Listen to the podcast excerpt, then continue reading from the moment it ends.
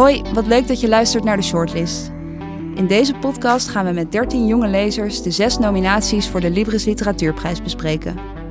In deze aflevering praten Emma en Clementine over Cliënt E. Busken van Jeroen Brouwers. Ik ben Emma Hungens, student aan de TU Eindhoven, Psychology and Technology.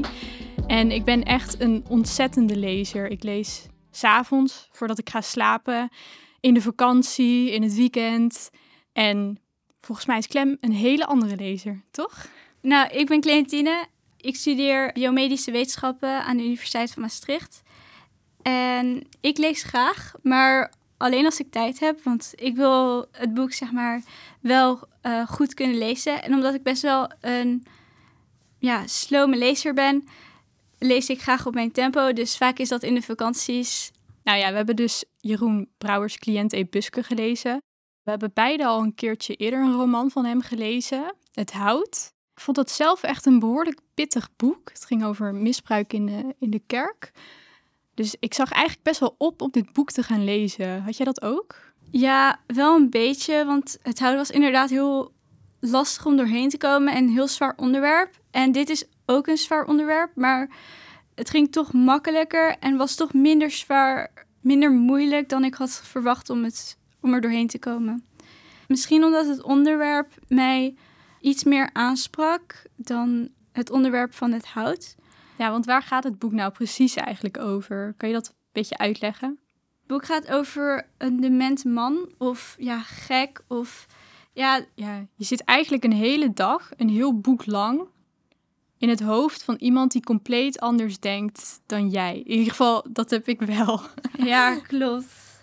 ik denk dat deze man uh, aan de buitenkant ziet daaruit als, een, als echt een brombeer. Op een negatieve manier. Je hebt ook wel eens een lieve opa die een beetje chagrijnig is.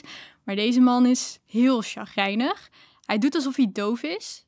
Want dat is hij volgens mij niet. Nee, volgens mij ook niet. Maar sommige verzorgers hebben volgens mij wel door dat hij niet doof is. Maar er komt geen woord uit. Nee, en hij, hij denkt ook dat hij niet gek is. Ook al ziet iedereen om hem heen dat hij dat wel is. En zo wordt hij ook behandeld, want hij zit ja, in een instelling. Mhm. Maar ik weet eigenlijk nou nog steeds niet op het eind, nou weet ik veel hoeveel pagina's, of hij nou gek, dement is. Hij is in ieder geval niet helemaal meer op de wereld, denk nee, ik. Nee, daardoor word je zelf ook een beetje gek in je hoofd. Maar zelf denkt hij volgens mij dat hij een heel hoog aanstaand persoon is die heel literair is. En dat komt ook wel overeen met hoe het boek geschreven is, met hele lange zinnen. Hij is niet dom. Nee, hij is niet dom, maar wel een beetje gek. Ja, dus hij is eigenlijk constant vertelt hij over wat hij uh, vroeger in zijn leven heeft beleefd. Dit boek, nou, ik heb wel eens dikkere boeken gelezen, maar deze man heeft twintig levens geleid. Hij is diplomaat geweest. Uh, hij is bij de paus langs gegaan. Hij kon weet ik veel hoeveel talen, vloeiend ook. Hij was heel slim. Hij is ingenieur geweest. Hij is taalkundige geweest. Ja, het is niet eens mogelijk wat hij allemaal geweest is, omdat in één leven. Het is nog net dat hij geen Nobelprijs heeft gewonnen. Ja, volgens mij komt dat ook een keer voor. Ja. toch? dus ik moet zeggen, in het begin heb je helemaal niet door dat hij dit allemaal verzint. Aan het begin dacht ik ook echt dat hij er niet thuis hoorde. Dat hij echt gewoon daar was neergezet. Terwijl hij eigenlijk heel intelligent was. En dat hij deed alsof hij doof was, zodat hij er gewoon zo snel mogelijk van af kon komen. Of ja, dat hij een soort van plannetje had om zeg maar uit dat huis waar hij zat weg te komen. Maar in het begin denk je ook nog dat het eigenlijk best een aardige man is. Tenminste, dat dat ik. Want aan het begin van het boek dan, dan vindt hij de verzorgende nog wel aardig. En dan gaat hij daar wat over nadenken.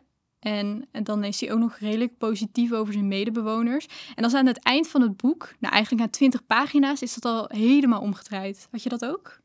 Je voelt gewoon dat die man die denkt niet voor niks aan al die dingen waar hij over denkt en zo complex. En hij is ook zo eenzaam dat je dan ook een beetje meeleeft met die man. Ja, heb je medelijden met hem? Misschien niet medelijden, want hij is wel erg bot. Maar ja, ik leef wel een beetje met hem mee. Ik denk wel zo van, ik zou niet zelf zo oud willen worden op deze manier. Nee, ik, ik ben het daar wel mee eens. Ik merkte heel erg aan het eind van het boek vooral eh, is het, het is maar één dag wat het boek beschrijft. En hij denkt zoveel na en niks is leuk. Dat ik gewoon medelijden heb dat hij zo zijn dag moet doorkomen. En ik weet niet hoe lang dit speelt, hoe lang hij al zo denkt. Dus misschien is hij al wel jaren op deze manier bezig in zijn hoofd. Dat lijkt me zo zwaar. Ja, daarom zou ik ook niet zo oud willen worden. Gewoon puur op deze manier. Ik zou bijna zeggen dat het gewoon onmenselijk is. Maar ik denk dat dit echt gebeurt ook in zorginstellingen. Ik weet zeker dat er sommige mensen zijn die dan echt zo denken. En dat heeft Jeroen Brouwers ook echt mooi verwoord. Ja, want hij heeft wel een eh, bijzondere schrijfstijl. Als je kijkt naar de recensies van uh, andere mensen die dit hebben gelezen, dan zie je eigenlijk vooral heel veel lovende woorden over hoe dit boek is beschreven. Daar staat Jeroen Brouwers ook wel bekend om. Maar wat het wat lastiger maakt, is dat deze man maar door blijft denken. En die zinnen gaan als het ware in elkaar overlopen. Ja, maar het paste wel met zijn manier van denken. Want zulke, als je aan één draad doordenkt, dan denk je ook in hele lange zinnen. Dan komen er geen putten tussen, dan komen er meer komma's. Ja. En dat gebeurt ook in dit boek. Ja, en ik vond dus ook wel dat het wel mooi beschreven is. Met, er zitten best wel veel metaforen in. Ehm, en het is een wat oudere man. En nou ja, wij zijn 20 en 21. Dus de woorden die hij gebruikt, uh, die zien we niet heel snel meer terug in onze, onze spreektaal, denk ik. Dus dat maakt het ook wel passender, omdat dat 80 jaar geleden, denk ik, veel anders was, de spreektaal van mensen en hoe ze de taal die werd gebruikt. Dus dat, dat past denk ik ook wel heel erg erbij. Ja, maar aan de andere kant, wat ik ook leuk vind, is dat die woorden zelf verzint. Kan je daar misschien een stukje van voorlezen? Ja. Een vrouwelijke verzorgende gaat rond met een tinnen kan en giet aalkleurig vocht in iedere beker. Thee van Dorothee, roept een der aanwezigen met als gezichtsuitwas een schuiftrompet. Deze kostelijke snaaksheid wordt vanuit verschillende richtingen herhaald. Haha. Er öffne die feurige abgrund o hulle, zo heet ik niet. Ik heet Fini, dat kan u lezen op mijn naamkaartje hier. Zo heet ik al 18, bijna 19 jaar. Ach, gut, het kind met haar ook nee. Wel eerst goed blazen hoor, maand ze nog. Wie niet eerst blaast, brandt zijn vingers en lippen aan het kokende putwater in het dunne plastic en toch, men kan ervan op aan, regelmatig ziet en hoort men zijn bezienswaardigheid, hand, mond, tong verhemeld huig verschroeien, waarbij gelijktijdig met pijnkreten en godslasteringen de zogeheten thee over het tafelblad gutst, of langs de onderarm elleboogwaarts of over andere lichaamsdelen van de sukkel druipt, als ook niet zelden over die van naastzittende en het morrend stemmengedruis hoorbaar wordt in het massaspel voor idioten dat ik nog voornemens ben te creëren. Hoeveel zinnen waren dat? Dit waren er denk ik uh, vier. Ja. Vooral die laatste was uh, ja, een behoorlijke bevalling om te lezen. Let goed op de komma's is eigenlijk de tip als je dit boek gaat lezen. Dan, dan is het wel goed te volgen. En in het stukje zitten echt hele vreemde woorden. Of tenminste, ik heb nog nooit van aaldkleurig gehoord. Nee, ik ook niet. Dat maakt het boek wel bijzonder om te lezen. Want normaal gesproken in Nederlandse literatuur zie je toch wel um, dat mensen gewoon woorden uit de, de vandalen halen en niet, niet zelf bedenken of misschien woorden uit oud-Nederlands halen. Misschien heb ik niet genoeg vocabulaire dat ik weet of dit woord wel of niet bestaat. Maar dus dat is, dat is een beetje twijfelen. Ken ik het woord niet of bestaat het niet? Ja, maar dat maakt het ook wel makkelijk om door te lezen. Want dan denk je niet van, oh, ik ken dit woord niet. Dan denk je van, oh, dit is waarschijnlijk weer verzonnen. Zo las ik het. dan maakt het het een stuk makkelijker. En je bent niet toevallig uh, snaaksheid gaan gebruiken als nee. gevolg hiervan? Nee, totaal niet. Nee, het is wel als je, je, als je je vocabulaire wat aan wil passen, wat uniekheid aan wil brengen, dan zitten hier wel goede woorden in. Ja. Vond, je, vond je het boek leuk? Ja, daar ben ik nog niet over uit. Ik vond het wel een interessant boek. En zeker wel een mooi boek. Maar, om, maar omdat het onderwerp zo zo zwaar is, zou ik het niet een leuk boek kunnen noemen. Maar zo, hoe het in zo'n zorginstellingen eraan toe gaat, dan zou ik het boek wel aanraden. Want het lijkt wel, je krijgt wel een ander perspectief. Ik denk dat dit boek dat ik nog nooit zo dicht in iemands hoofd heb gezeten in een boek. Ja, klopt. En dat maakt dit boek eigenlijk ook wel heel leuk, ondanks dat, het, omdat, ondanks dat deze man gewoon, ja, ik vind echt een beetje een eikel. Hij, hij is echt niet, hij is zo boos constant op iedereen. En ehm, ik denk dat het wel ook voor jongeren best wel interessant is om eens een keertje in het hoofd te zitten van, van die ene man die altijd zo boos naar je kijkt en niks zegt. En dat, dat is ook iets wat je. Soms moet je gewoon boeken lezen waarvan je niet per se gelijk denkt dat het heel leuk of interessant gaat zijn. Is toch grappig dat als je echt zo erg in iemands hoofd zit, ondanks dat hij gek, dement of wat dan ook is, dat je dan toch een inkijkje krijgt in een grotere generatie. Ja, je krijgt inderdaad wel echt een ander perspectief.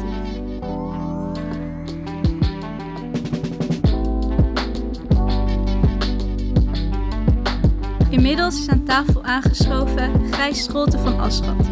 We praten met hem over zijn voorstelling Cliënt E. Busken naar het gelijknamige boek van Jeroen Brouwers. De voorstelling zal waarschijnlijk in augustus in première gaan bij ITA. We zijn heel erg benieuwd uh, hoe jij uiteindelijk een voorstelling over cliënt E. Buske gaat maken. Maar ja, voordat we, voordat we die vragen gaan stellen, zijn we ook heel benieuwd. Wat vind je nou eigenlijk van het boek? Ik hoorde over dit boek. Een man alleen in een verzorgingstehuis. Ik dacht, hmm, dat is interessant. Ik ben het boek gaan lezen. En toen dacht ik toch, oh, je zit wel een mooie voorstelling in. Die taal is zo beeldend, zo gebeeldhouwd bijna. En toen ik het boek las, heb ik het niet in één keer uit kunnen lezen. Het boek is eigenlijk als een te zware maaltijd. Je moet het boek met mate tot je nemen. Dus 20 bladzijden en dan even wegleggen. Dan nog eens 20 bladzijden. Je moet het niet te veel achter elkaar lezen, want dan krijg je hem bijna weerzin ertegen. Want het is zo'n enorme kanonade van taal en gedachten. Heeft u het boek ook meerdere keren gelezen? Ja, ja. Hoe vaak? Ik heb het denk ik drie keer gelezen. Twee, twee of drie keer, ja. En natuurlijk ben ik, toen ik het ging bewerken, want ik heb zelf de, de theatertekst geschreven. Toen ben ik het weer anders gaan lezen. Toen ben ik gaan lezen met een potlood in mijn hand. En toen ben ik allemaal dingen, aantekeningen gaan maken, wat de thema's zijn welke stukken ik mooi vond. Dus toen heb ik eigenlijk alles aangestreept waarvan ik dacht, oh, dit vind ik heel mooi, dit vind ik heel mooi. Toen ben ik de kleuren gaan geven, welke sferen erin zaten. En toen ben ik eigenlijk al die stukken die ik mooi vond, heb ik samengevoegd. En ja, toen had ik nog steeds veel te veel. Dus ik ben het zo als een goede saus gaan inkoken. Nou, dit kan er wel uit dat, tot ik een paar thema's had. En wat laat je er dan uit? Nou, je moet je eerst afvragen, wat wil ik met het verhaal? En ik dacht, wat ik met het verhaal wil, is deze man een stem geven. En ik wil zijn situatie schetsen. En zijn leven in dat tehuis. En ik moet kiezen voor een paar relaties die hij heeft. Nou, en dan heb je sommige dingen waarvan ik denk, ja, dat moet erin, want het is heel poëtisch, dit is treurig. Hier heb je, vertelt hij over zijn moeder, hoe die relatie was. Dus zo ben je zo aan het bouwen. En het tweede wat ik dacht toen ik het bewerkte, dacht ik, ik wil er muziek in. Ik hou heel erg van muziektheater en ik heb stukken gemaakt met veel muziek. En ik voelde heel erg dat, dat die voorstelling, dat, heeft, dat is zo'n enorm taalbolwerk. Daar moet je af en toe, net zoals me, me altijd, even zeggen, oké jongens, we gaan even een blokje om. We gaan het even laten zakken. En daar kan dan een heel goed een nummer in een muzieknummer inkomen. Heeft u dan meer voor vrolijke muziek gekozen of juist voor meer... Nee, ik heb gekozen voor een muziek die eigenlijk de jeugd van deze man vertegenwoordigt. Soms rock and roll, soms soul, soms pop, jaren zeventig. Crosby, Stills en Nash Young. Zegt je niks waarschijnlijk? Ja. Oh, oh, Oké, heel goed. Met die muziek wil je natuurlijk... Je wil ook iets vertellen over de innerwereld van deze man. Wie die hij geweest is misschien. Dat vond ik het tweede hele interessante, waarom ik het dacht, dit is echt iets voor een theater. Wat is waar en wat is niet waar? Die man die, die lult een slag in de ronde. Hij kent Beatrix. Hij heeft Rielke ontmoet. Dat is heel knap, want die is al uh, een eeuw dood. Dus wat is werkelijkheid en wat is fantasie? En dat is natuurlijk voor theater geweldig. Je, je, je speelt een persoon waarvan het publiek denkt: is, meent hij dat nou? Is dat echt? Heeft hij dat echt meegemaakt? Wie is deze man? Dus ze zijn even verward na jouw voorstelling als wij na het lezen van dit boek. Of misschien wel verwarder. Ik denk dat ik iets meer probeer deze man in zijn hele leven te laten zien. Dus ook hoe die jong was. Ik vertel ook eigenlijk als Gijs over hoe ik ben als ik oud ben. Begrijp je? Dus, dus ik, ik ben niet altijd helemaal cliënt E. Busken, maar af en toe wel. En af en toe niet. Daar spring ik in en uit. Want zoveel elementen van zijn jeugd zijn er niet in het boek. Hoe... Nee, maar er zijn natuurlijk veel momenten waarin hij fantaseert Mhm. over zijn enorme potentie. Maar hij is ook een vrouw geweest. Hij heeft zich voorgesteld dat hij een, een vrouw is, meerdere malen. Mhm. Laat je dat dan ook terugkomen? Want dat is nogal een groot ding in het boek. Hij is als... Met Als- dat dubbel gegenderde. Ja, Nou, ik, laat, ik heb dat wel op een gegeven ogenblik dat hij tijdens de seksuele daad verandert de vrouw waarmee hij is in een man. En dat vindt hij eigenlijk geweldig. En hij zegt ook op een gegeven moment in het stuk, zegt hij, ach man en vrouw, het maakt mij niet uit in bed. Ik ben poly, eh, hoe heet het? Alleseter. maar, maar drie, drie pagina's verder is Mhm. hij weer een beetje boos over dat een man niet van een vrouw te onderscheiden is. En Ja. dat, Zeker. Hij is daarin totaal niet consequent. nee. Maar hij wordt natuurlijk in zijn zijn, wordt hij overvallen door deze gendertijd, waarin gender ineens een enorm issue is. En hij raakt daar daar nog van in de war. Dat heeft natuurlijk al helemaal Ja. met Monique. Die Monique praat, heeft, heeft een zo'n stem. Hoi, hallo, meneer Buske, hoe is het nou? Hij denkt, is dat nou een man of een vrouw? Of Ja. vergist zich daarin? Dus daar is dat, die hele gender zit daar al in. Hij Ja. vraagt zich ook af of zij niet een omgebouwde man is eigenlijk. Ja, we hadden dat zelf. eh, wij realiseerden ons niet dat eh, iemand van een andere generatie dat misschien moeilijk vindt. De, de tijd waarin we nu leven en ehm, ja, de dingen die er rond gender spelen. Wat Hm. wij heel normaal vinden. Ja. Dus dat, Nou ja, ik, ik ben 61. Ik vind dat ook niet normaal. Ik vind dat ook lastig af en toe. Die enorme gedifferentieerde van wie je bent en wat je identiteit is... en dat je daarna zo ook benoemd wil worden... vind ik best verwarrend af en toe. Ja, dat zie je ook al terug in het boek. Ja. Dat eh cliënt Ebuscus daar ook moeite mee Ja, ja. Hij speelt daarmee. Dat vind ik ook wel leuk, omdat hij natuurlijk zelf 80 is. En, en, en aan de ene kant oh, is hij eigenlijk heel liberaal daarin... omdat hij zegt man en vrouw, het maakt mij niet uit. En tegelijkertijd is hij er ook door in de war. Ja. ja, het is wel eh, grappig om te horen dat jij het dus meer, ja, dat je jezelf misschien meer in, in cliënt Ebuske op dat gebied herkent dan wij. Dat dat. eh, Zeker, maar ik denk dat dat ja. heel erg iets is dat ik ben opgegroeid in de jaren zeventig. Waarin die eigenlijk best losbandig was en, en alles kon. En het maakte allemaal niet zoveel uit, weet je wel. En het heeft heel erg te maken met, met een soort identiteit. Dat heel belangrijk is. Terwijl ik in mijn tijd, ja, op de toneelschool, wel, je, had, die was eh, lesbisch, die was ongeveer, dat was prima, weet je wel. Maar dat hoefde, er was niet zo'n, nu is het allemaal heel, ja, maar ik ben dat en dat en zo moet je me ook noemen. Oké, prima, eh, ingewikkeld, maar oké, als je dat wil. Dus dat, dat begrijp ik wel. Maar ik vind het taaltechnisch af en toe lastig. Dus je zit een beetje tussen cliënt Ebuske. Ja, en, En, mijn eh, eigen onzin. kinderen in, die jullie leeftijd zijn en nog ouder zelfs. Ik ben ook een beetje een oude lul. Dat zijn niet onze woorden. Nee, het zijn niet, maar daarom zeg ik het maar zelf. En wat voegt het toneelstuk toe aan het boek? Of zijn het Mm. twee losse... Nou, het zijn wel. Te, ik, vind, ik vind altijd dat je moet, je moet. Het is een ander kunstwerk. Het is een ander medium. Een boek lees je en je maakt er een voorstelling van. En eh, nu zie je de persoon waar het om gaat, die je dit verhaal vertelt. Ehm, dus het voegt er iets in die zin aan toe dat ik eigenlijk eh, mm, een beetje een keuze heb gemaakt van wat je ziet van deze figuur. Ik probeer hem natuurlijk goed te spelen, maar ik heb een keuze gemaakt in wat ik mooi vind uit het boek en wat ik eh, relevant vind. Want ik zou het nooit in mijn hoofd halen om het helemaal te doen. Dat vind ik gewoon te veel. Ik werd best wel eh chagrijnig na een Mhm. tijdje van Ja. deze man. Want hij zit gewoon niet zo heel lekker in zijn vel op veel momenten. Ehm, merk je dat ook aan jezelf? Als je, als je de tekst aan het instuderen bent, als je ermee bezig bent, dat je Nou, zo hij, erg in die rol zit. Dat ja, je, hij heeft wel een zeker chagrijn, ja. En is ook wel heel erg woedend af en toe. Ja, heel boos. Boos, ja. Ja. Eh, dat, dat speel ik ook wel, dat ben ik ook wel. Ehm, vandaag was, was er iemand die, eh, die, die, die, die ons gaat interviewen morgen. Die kwam even naar de repetitie kijken. Die zei, ik vind wel dat je... Je hebt er wel een soort menselijke iemand van gemaakt dan het boek. Hij is beter te volgen. Want hij las het boek en zei, ik vond het echt best een lul. Ik dacht... de- hij zei, ik dacht tegen... Ja, als je nou de hele tijd je mond houdt... Je zit daar alleen maar zo, zo norst voor je uit te kijken. Geen wonder dat die mensen je dan zo behandelen. Begrijp je? Ehm, en ik denk doordat ik het toch een beetje vanuit mezelf vertel en een beetje voorspeel, dat het iets luchtiger wordt. Want ik ben niet de hele tijd cliënt E. Busken.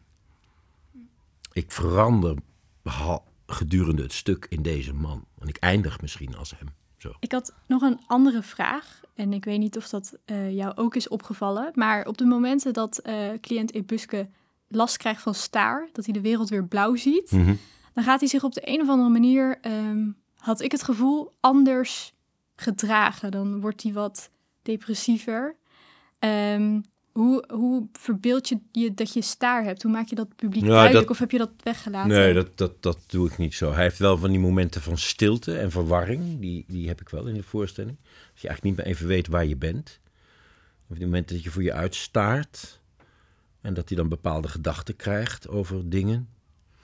Ehm, en we hebben natuurlijk ook wel momenten dat hij eigenlijk niet meer weet waar hij nou precies is. Wie die is. weet je? Dat komt zo naarmate de voorstelling vordert steeds meer. Ja, vooral op het, op het einde heb je één fragment in het boek. Dat hij, nou letterlijk in de ene zin, dan heeft hij het nog over dat Mineke achter hem staat. En de, de volgende zin is dat hij niet weet wie die, wie die vrouw is die die sigaret van hem afpakt. Ja, ja nou dat, dat zit er bij mij niet in. Ehm, Maar die verwarring zit er dus wel in, dat het, dat het zo omslaat van het een op het andere moment dat hij zo, zo ja, dat zit er in is. sommige momenten in, ja, Ja. zeker.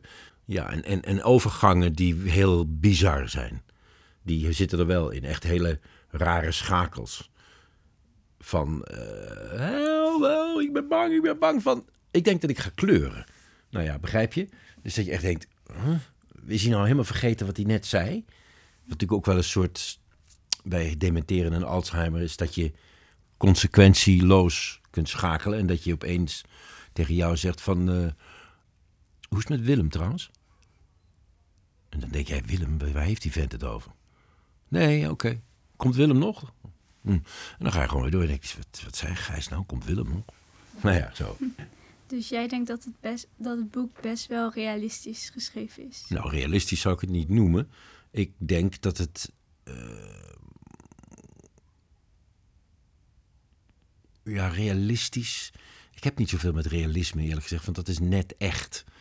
Eh, en en dat, dat is het niet. Het is, een, het is het spelen met taal om een bepaalde gevoel en verwarring en situatie en, en, en ja, te omschrijven. En daar gebruikt hij alle middelen voor. Dus de fantasie, de herinnering, de leugen, de grootspraak, de woede.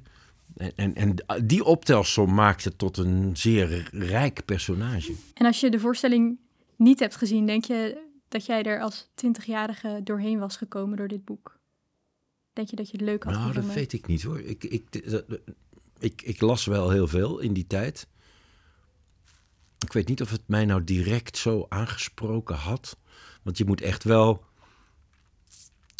houden van taal en, en daardoor gefascineerd door raken. En eh, kijk, ik weet toch wel, toen ik jong was, las ik toch wel wat epischere verhalen, begrijp je? Die, waar van alles gebeurde. En dit is toch meer een toestand die je leest. Maar hoe vonden jullie het om het te lezen? Laten we het daar eens over hebben. Ja, ik ben niet gewend aan zulke literaire boeken. Maar ik vond het wel interessant. En ik las, ik ben zeg maar niet zo'n hele snelle lezer. Dus ik las het redelijk langzaam. Maar daardoor kon ik wel, heb ik het gevoel, meer achter elkaar lezen. Want Mhm. het drong beter tot mij door. Mhm. En ja, ik vond het wel mooi hoe die met de woorden en ja, met de woorden en de taalgebruik ook speelde. Mhm. En dat hij zelf woorden ook verstond. Mhm. Ja, ja. Want noem nou eens een... Jullie lezen meer, neem ik aan. Wat is nou een boek waar je denkt... Wauw, dat vond ik nou een goed boek. Ja, ik ben wel fan van eh, de boeken van eh Marieke Lucas Rijneveld. Oké, ja. Die zat ook in de, in de vorige Ja. podcast, Mijn Lieve Gunsteling. Ja. En ik denk dat ik daardoor... Want eh, zij schrijft ook best wel lang, lange zinnen. Ook veel met taal. Het is niet vergelijkbaar met Jeroen Brouwers, maar daardoor was ik al wel iets meer gewend aan wat langere, uitgebreide schrijfstijl. Dus ook niet makkelijk. En nogal een, een, een bedompt, gereformeerd... Ja, maar er zit wel, er zit wel lichtheid in. Ja. En ehm, als ik eerlijk ben, mis ik dat best wel bij dit boek. Al merkte ik wel, eh, als je eenmaal, ja, als je er een beetje in zat, dan, dan begon je de, begin je eigenlijk de humor er Ja, ook ja. in te ontdekken. Want het is af en toe, ja, ik vind het af en toe heel grappig. Want dan Ja. vergeet hij weer iets. En dan zegt hij, ik vergeet nooit, want ik ben de allerscherpste persoon. Ja. En dat, ja, je moet het er even inzien. En je hebt niet echt per se momenten die heel grappig zijn, maar het hele boek overal heeft een soort van cynische sfeer erin. En dat, dat kon ik wel eh, Hm. waarderen erin. Oké. Nou, leuk jongens. Ik vind het leuk dat jullie zo eh, hier diep in het boek hebben. ge- Jullie zeggen dingen waarvan ik denk, god, hoe zit dat ook alweer? Zo dat ook alweer. Jullie hebben het echt goed gelezen volgens mij. Ja, Komen ik, jullie volgend jaar kijken? ja, ik zit er wel aan te Ja, denken ik nu ook. er een, eh, een eh, extra einde, een, een climax in het einde. Ja, Nou, ik denk dat je, als je er zo mee bezig bent geweest, dat het gewoon heel leuk is om het, om het eh, op het ja, toneel ik te ben zien. heel benieuwd hoe, hoe het eruit ziet, omdat het zo'n... omdat je zo erg in het hoofd zit van iemand, ben ik heel benieuwd hoe dat Ja. dan vertaald kan worden Ja. op het toneel. Ja, Kom gezellig kijken. We spelen het waarschijnlijk. Ja, nu mogen we het eh, niet voor publiek spelen. Godverdomme. Maar eh, in augustus, september gaan we het weer spelen. Dus dan eh, moet je maar komen. Oké. Girls, dank jullie wel. Ja, nee, dankjewel eh voor het interview. Volgende week horen we wat Jacob en Eva vonden van De Onbevlekte van Erwin Mortier. Wil je geen aflevering missen? Volg ons dan op Spotify. Verder kan je ons vinden op Facebook en Instagram als Libris Nieuws. Als je een vraag hebt voor de auteur, kan je die daar insturen en wie weet wordt hij in de volgende aflevering beantwoord. Tot volgende week!